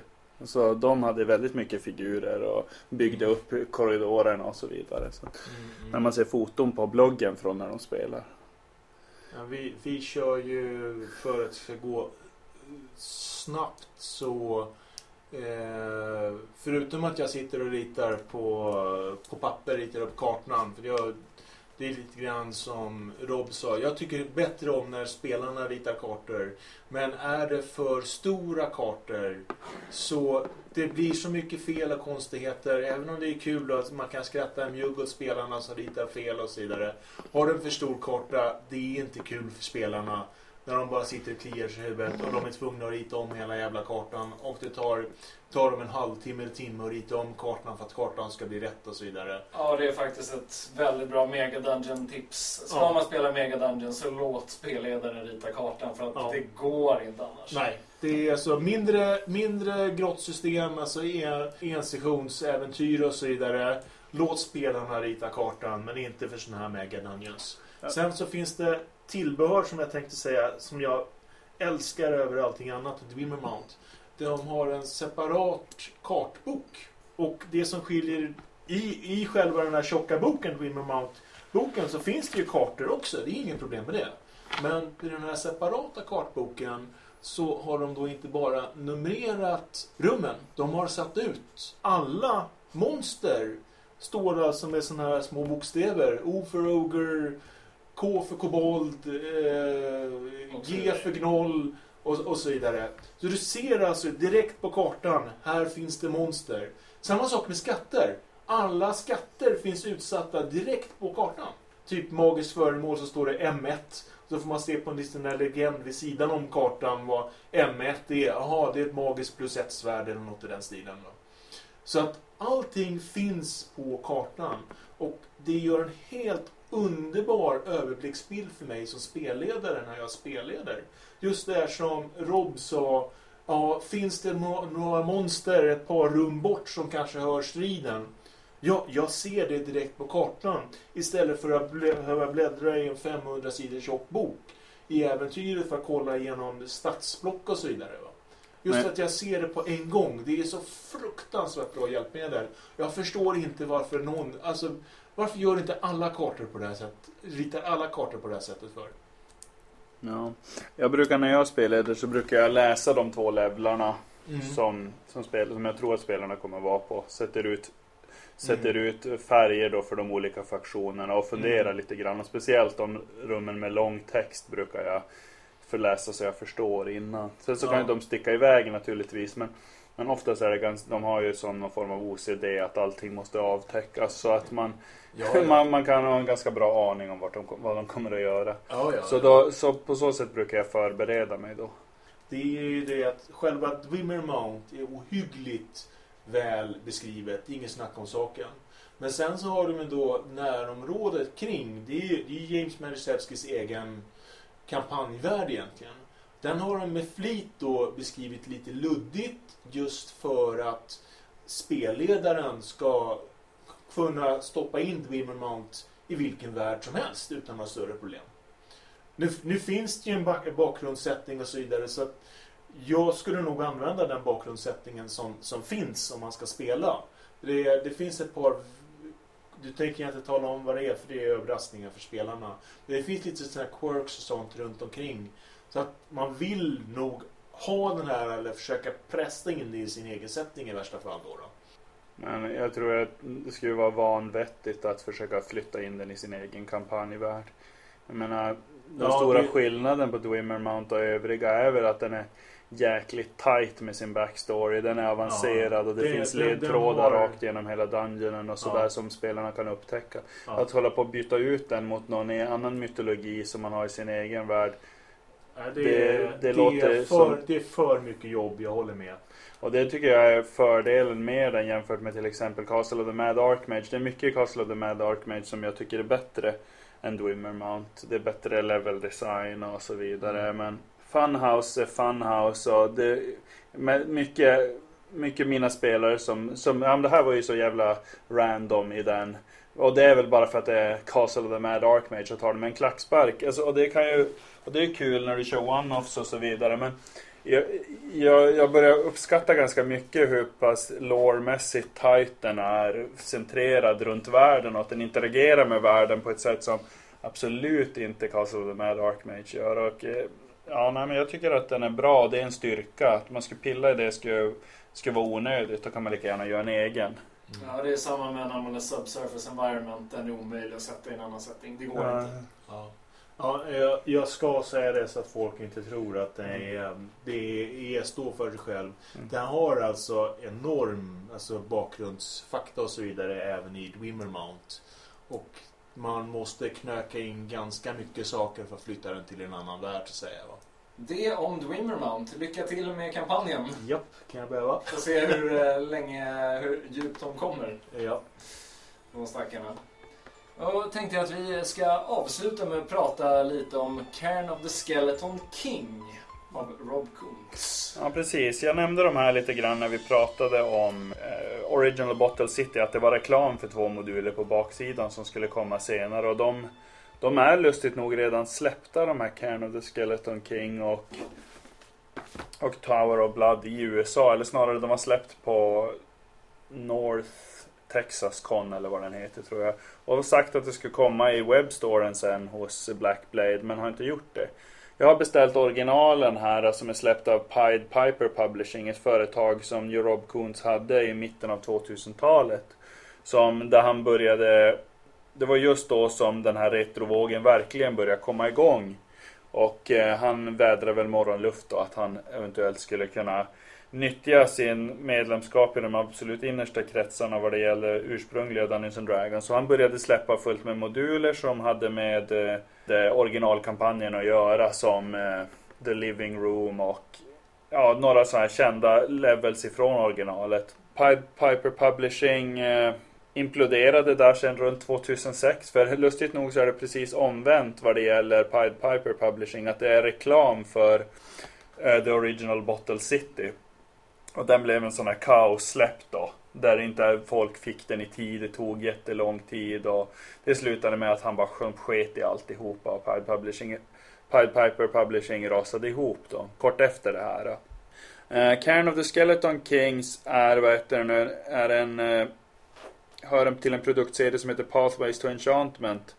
Som är då moduler som skrevs av Rob Koons i mitten av 2000-talet och hade ingenting att göra med, med original Greyhawk-kampanjen utan det var något annat. Men det, ja, det var eh, helt enkelt moduler av honom.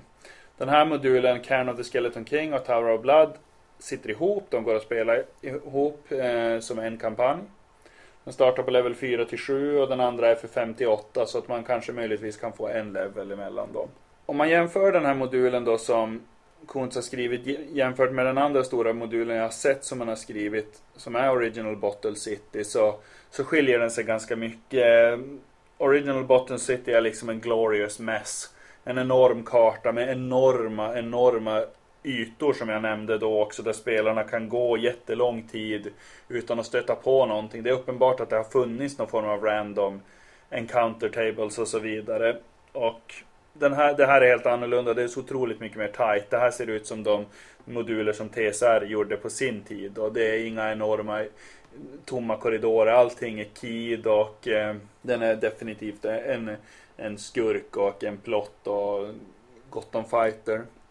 Det, det, finns som vanligt en karta på insidan av permen som är i blåvitt och i, precis som den blåvita som eh, TSR själv använde sig av så fort de insåg att folk började fotokopiera deras grejer. Eh, så på så sätt ser den klassiskt ut. Den är tecknad av Jim Holloway. Jim Holloway tecknade ju en hel del till Dungeons and Dragons på sin tid. Om man har Monster Manual 2 så är den i princip i sin helhet illustrerad av honom. Men annars är han kanske mest känd som huvudtecknaren till Paranoia. Men det, Jim Holloway är duktig, så den är, den är bra illustrerad, betydligt bättre än många andra alster inom den här uh, branschen. När är den skriven? För Bottle City, den skrev ju Kunst när han var, alltså den är ju 40 år gammal nästan som jag förstår. Ja, som jag sa, 2000, den är ju skriven på beställning i mitten av 2000-talet. Ja. Liksom. Det finns en tacklista här i början med folk som har Green Dragon sponsors, Gold Dragon sponsors. Det här är som någon form av proto-crowdfunding där folk har helt enkelt fått lägga in pengar i förväg för att få olika versioner då. Den här är någonting som är lite finare version tror jag. Det här är nummer 432 eh, av 500 tror jag eller något sånt.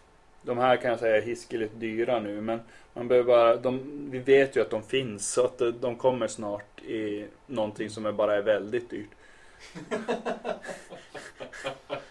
Ja, eh, du vet ju själv, du har köpt Original Bottle City och den var ju dyr för vad den var. Ja, absolut. Samma med den här Dark Druids också. Ja, ja precis. Men det är inte vanvettigt i alla fall. Vad kan man säga om den här då? Som sagt var, väldigt konventionell. Inte speciellt stor. Den är uppdelad i två faktiskt, lustigt nog också. Själva häftet är väl eh, 48 A4, vilket är ganska mycket.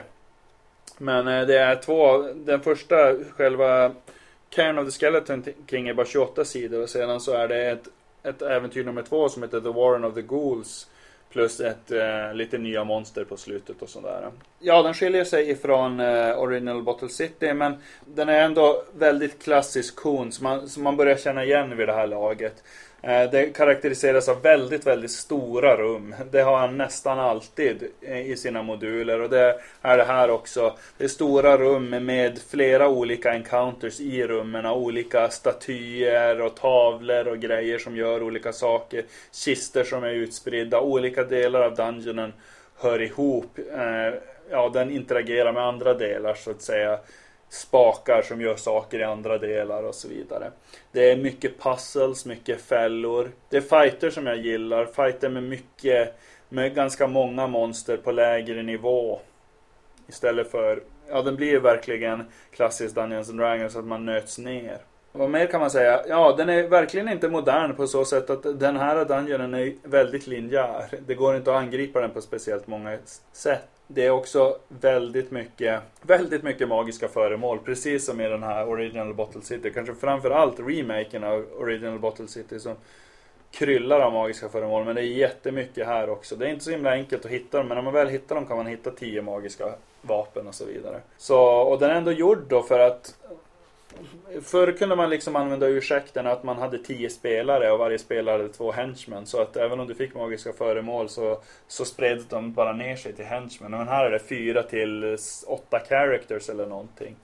Så det tycker jag är tråkigt. Det måste man troligtvis ta bort och ersätta med andra saker. Men generellt så tror jag att den skulle vara väldigt rolig att spela den här. Och jag undrar om jag inte ska spela spelledaren på någon sån här Hobocon. För det är trots allt, det är 25 rum. Det är i och för sig lite i överkant. Men man borde kunna gå fram ganska fort i den här. Det finns en del rollspelsmöjligheter men inte allt för mycket. Som sagt var, jag tycker inte att han är fullt så gränsöverskridande som han kanske själv tycker att han är. Men, eh, men han är extremt duktig på att göra de här lite högre level-äventyren och jag, contrarian som jag är, så har ju mitt intresse vad det gäller OSR princip helt gått bort från de här låg-level-grejerna till att till största delen vara intresserad av hög-level-saker. Alltså så, så som Dungeons and Dragons spelat på hög nivå. Och det här är ju inte vanvettigt hög nivå men det är riktigt svårt Och, och har du de här magikerna med relativt stora spellbooks och krigare med olika typer av magiska föremål så, skulle det, vara- så är det väldigt intressant att se hur man skulle hantera de här äh, farorna som kommer här. Det finns en riktiga mördande dödsfällor och så vidare som, som, skulle, som man säkert skulle få kreativ användning av olika typer av spel som magiska föremål om man har memoriserat inte bara attackbesvärjelser. Rock to mud. Jaha. Eh, nej, eh, jag kan absolut rekommendera den till, till det milda överpriset som den snart kommer att kunna få. Ja, jag har faktiskt varit väldigt eh, nöjd med båda kontomodulerna jag har skaffat. Han känns som han är väldigt ensam i att göra den typen av moduler. De, de är liksom både på ett sätt klassiska och följer en känd mall men han har en egen ton och en egen stil. Eh, Och hög kvalitet på det jag sett förut. Jag, jag har tänkt skaffa dem där så fort de kommer i lagom överpris. Mm. Ja, det, det kan man säga också. Han är väldigt mycket för set piece encounters. Och det är ju de här stora rummen med o- många olika faktorer. Alltså de är ju oftast typ 40 gånger 50 meter stora dungeons. Så den här Dark Druid som du har köpt har ju också de här jätterummen med olika personer som gör olika saker och så vidare. Så det, det känns ju som att set piece encounters som man annars vanligtvis Eh, förknippar med Forth väldigt mycket. Men, men han, han, det är absolut hans stil här. Och det, i Original Bottle City är nästan allting set piece encounters. Du skulle kunna lyfta ut väldigt många av rummen och encounterna där och sätta in dem någon annanstans. Som en riktigt minnesvärd grej liksom. Och så är det här också. Jag, jag, jag tycker att, att den, den håller hög kvalitet. Ja, det var väl vad jag hade att säga om den. Vad det gäller den här eh, Ghouls-grejen så är den... Eh, Den känns nästan lite som utfyllnad. Om man tittar på den dungeonen så är den eh, eh mer konventionell. Det är ett, en, en mängd med små monster. Det finns en del rollspelsgrejer och det finns en del gåtor och fällor och sånt. Men inte allt för mycket. Man ser att det finns en utgång här då till The Tower of Blood. To the Tower of Blood som är tvåan. Så det gör att de sitter ihop här på något sätt. Och det finns vissa referenser till den här eh, i själva huvudäventyret. Men jag, jag skulle personligen känna att man kanske skulle tycka att det var en liten antiklimax den här delen om man har kört Cairn of the Skeleton King. Fast i och för sig, går den ihop sen till Tower of Blood så, så blir det här väl bara som en, en väg emellan. Men eh, väldigt häftigt och jag måste säga att det, det trots allt känns unikt faktiskt det här. Han har en egen stil och han är, han är definitivt den mest intressanta av de här som är aktiv nu. Och han har ju lovat där eh, att skriva klart sin City of Brass i år och det kommer väl absolut inte att ske men, men, men för förhoppningsvis kommer det att ske snart i alla fall. Så att, och, och som, jag, så, så som mitt intresse för eh, OSR har blivit så är det här ju otroligt kul att läsa. Jag försöker få min egen kampanj ungefär till hit då i levels och så vidare. Jag tycker att att det blir ett visst spel, ett visst spel som känns, som lustigt nog trots att man skulle kunna tänka sig att och, och så är det ju också mycket att det här 1 till 3 OSR-rörelsen, att den känns väldigt Den kändes väldigt fräsch liksom. Här spelar du ganska taskiga karaktärer som dör som flugor på fantastiska saker. Men trots allt i Dungeons and Dragons så är det inte så många som kommer upp till hög level ändå. Det är inte så många som prövar det. Och därför känns det helt plötsligt ganska fräscht. Vad händer med Dungeons and Dragons på hög level? Om man skriver det bra, hur, hur, hur funkar det då egentligen? Och han är faktiskt det bästa exemplet på det just nu tycker jag. Mer moderna rollspelsskapare som Rapparna Took och sånt, de är faktiskt inte, de är inte i närheten. Nej, jag eh, kommer försöka köra Dark Druids i, på något vis någon Mm. gång. Jag vet inte exakt hur eller i vilken setting, men eh, den är jag väldigt pigg på. Och jag är extremt nyfiken Mm. på Cairn of the Skeleton Mm. King och Tower of Blood. Och med eh, ett ton av blod avslutar vi eh, det här avsnittet av Viskningar från krypton. Jag heter Jonas. Jag är Joakim. Och jag heter Robert. Tack för den här gången.